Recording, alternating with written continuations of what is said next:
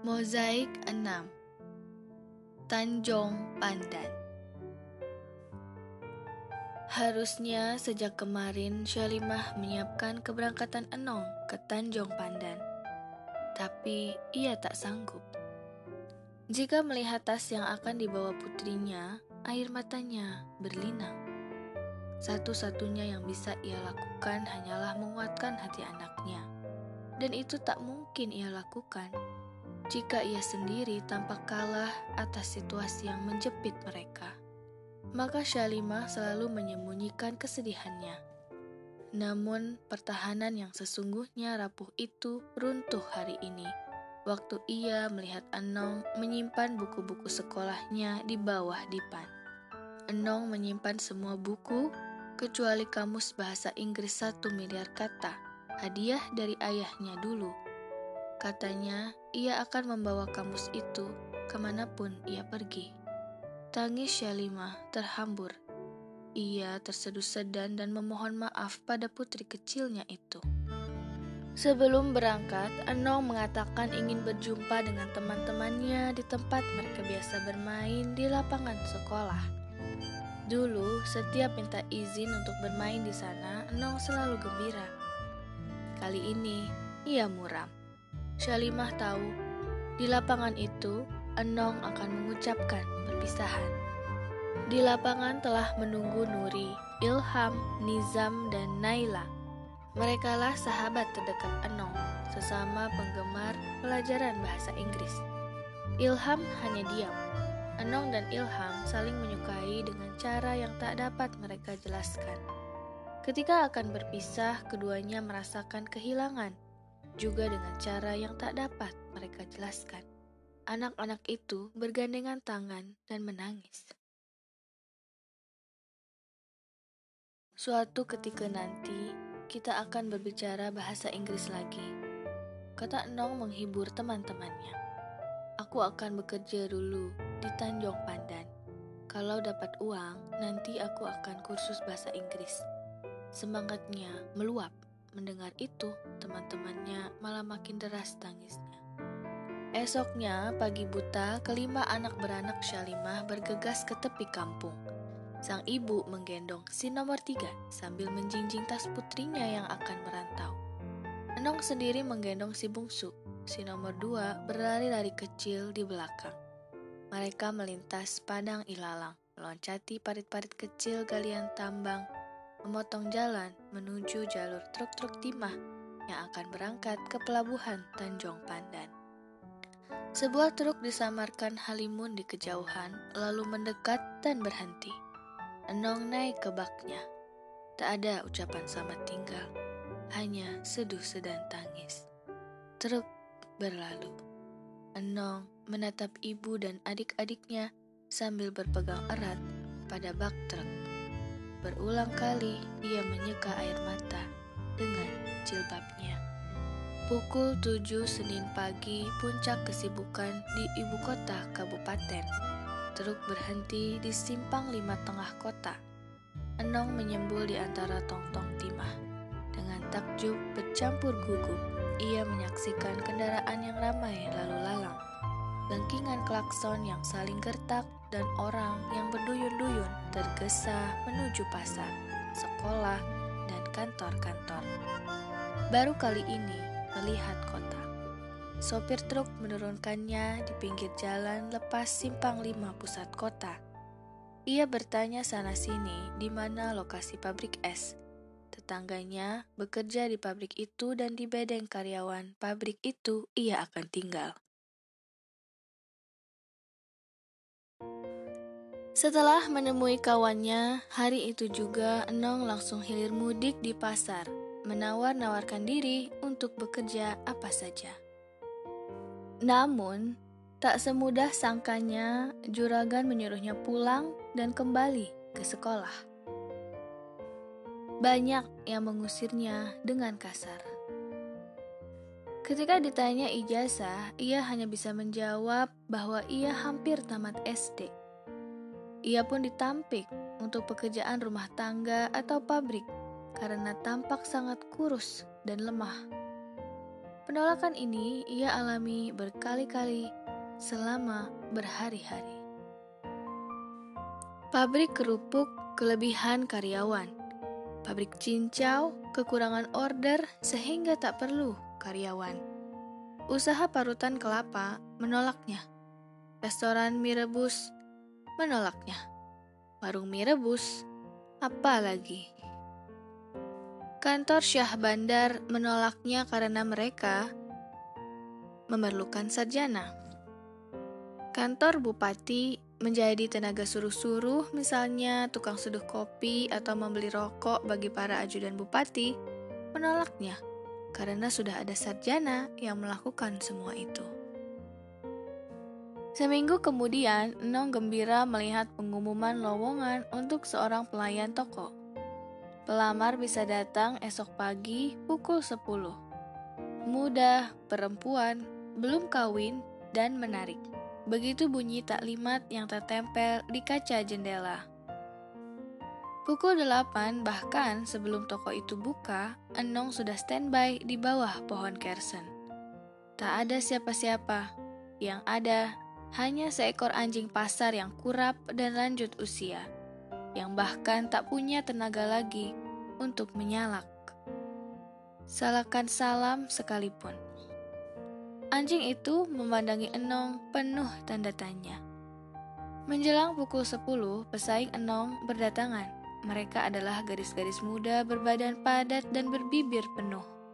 Makeup tebal macam perempuan di televisi. Potongan rambut masa kini. Berbaju bak orang kota. Merona-rona. Sementara Enong Pakaiannya seperti orang mau mengaji hatam Quran. Jilbabnya lusuh. Ia bahkan tak berbedak. Toko-toko juragan menyuruh para pelamar berbaris. Gadis-gadis cantik dipanggil satu persatu. Enong berada di dalam barisan, tapi tak seorang pun memanggilnya. Anjing kurap tadi masih saja memandanginya penuh tanda tanya. Enong tak berkecil hati. Kejadian itu memberinya pelajaran yang berharga. Bukannya sedih karena tak dipedulikan, ia malah senang sebab lain waktu ia tahu apa yang harus dilakukan. Hari yang ditunggu-tunggunya tiba. Sebuah toko kembali membuka lowongan. Enong siap meluncurkan strateginya. Sebelum masuk ke dalam barisan pelamar bersama gadis-gadis yang semlohai itu, ia menyelinap ke gang sepi di samping toko. Ia membuka tasnya, mengeluarkan beberapa helai baju dan memakainya berlapis-lapis. Baju-baju itu sebagian baju ibunya yang kebesaran untuknya. Maksud hatinya, calon majikan akan melihatnya lebih besar, kuat, dan padat seperti perempuan lainnya, sehingga diterima bekerja. Strateginya sukses. Paling tidak, ia disuruh masuk untuk ditanyai ini itu. Ia melangkah bersama seribu doa. Di depan calon majikan, ia berusaha menampilkan yang terbaik dari dirinya. Dan yang terbaik itu hanyalah seorang perempuan kecil yang tak pernah mengenal kata berdandan. Bibir pias, tak pernah tersentuh ginju. Wajah pucat, kurang makan. Dan tampak aneh karena berbaju berlapis-lapis. Sang majikan tersenyum senang dan menolaknya. Enong sadar bahwa ia tak tampak cukup untuk menjual tenaga dan tak berwajah cukup menarik untuk menjadi penjaga toko. Ia maklum pula bahwa ia tak punya selembar pun ijazah. Ia melamun, seandainya ayahnya meninggal tidak bulan lalu, tapi empat bulan setelahnya.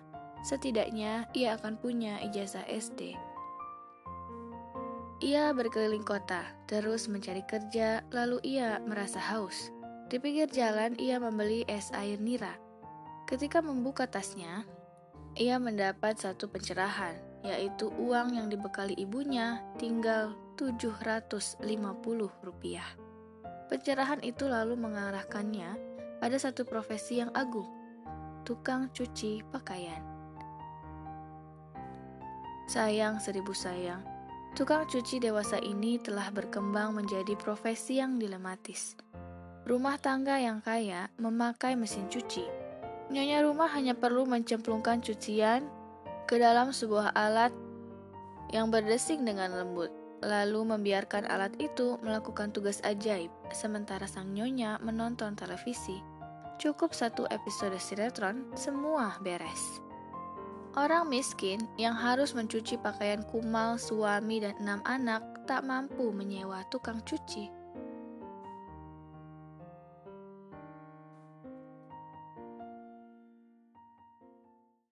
Uang yang tinggal 750 rupiah itu ternyata tak bertahan lama, meski telah dihemat sekuat tenaga dan telah dikelola melalui kebijakan moneter yang paling servatif sekalipun.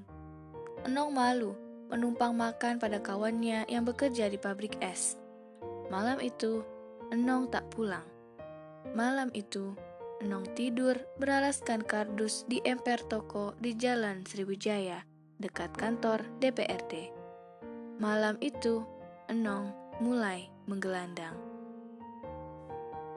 Hari-hari berikutnya, Enong mulai terlunta-lunta.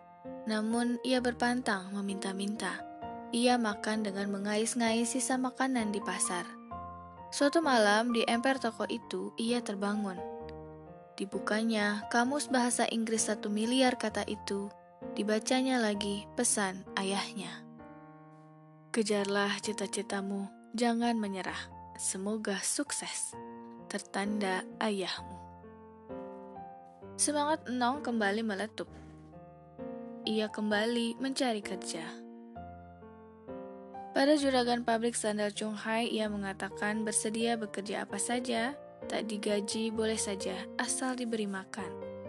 Makan dua kali saja sehari tak apa-apa, Pak, kata perempuan kecil drop out kelas 6 SD itu dengan lugu ia malah kena hardik. Pulang sana, kalau sudah besar, datang lagi. Padahal, Enong sudah memakai baju empat lapis. Enong berpamitan dengan santun dan pergi dengan perut lapar. Pada juragan pabrik tali, ia membanting harga habis-habisan. Tak perlu digaji, tapi diberi makan sekali sehari tak apa-apa namun tubuhnya memang tak tampak seperti orang yang sanggup untuk bekerja. Ia ditolak lagi.